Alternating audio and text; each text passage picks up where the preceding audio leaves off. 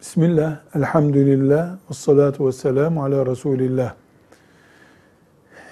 Mesela bir Avrupa ülkesinde işten atılmamak için veya oradaki siyasi bir menfaati kaybetmemek için ya da buna benzer bir sebeple kimlik üzerindeki Müslüman belgesini, Müslüman kaydını değiştirmek, sadece kimlik üzerinde, kağıt üzerindeki bilgiyi değiştirmek dinen caiz olabilir mi?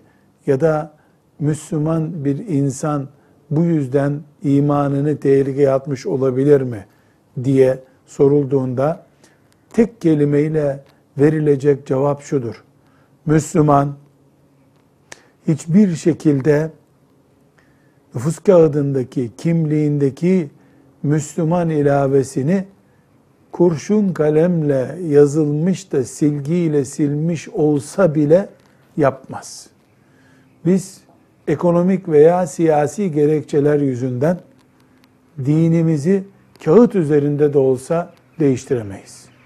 Bu Müslümanlığımız açısından ölümcül bir tehlike olur. Velhamdülillahi Rabbil Alemin.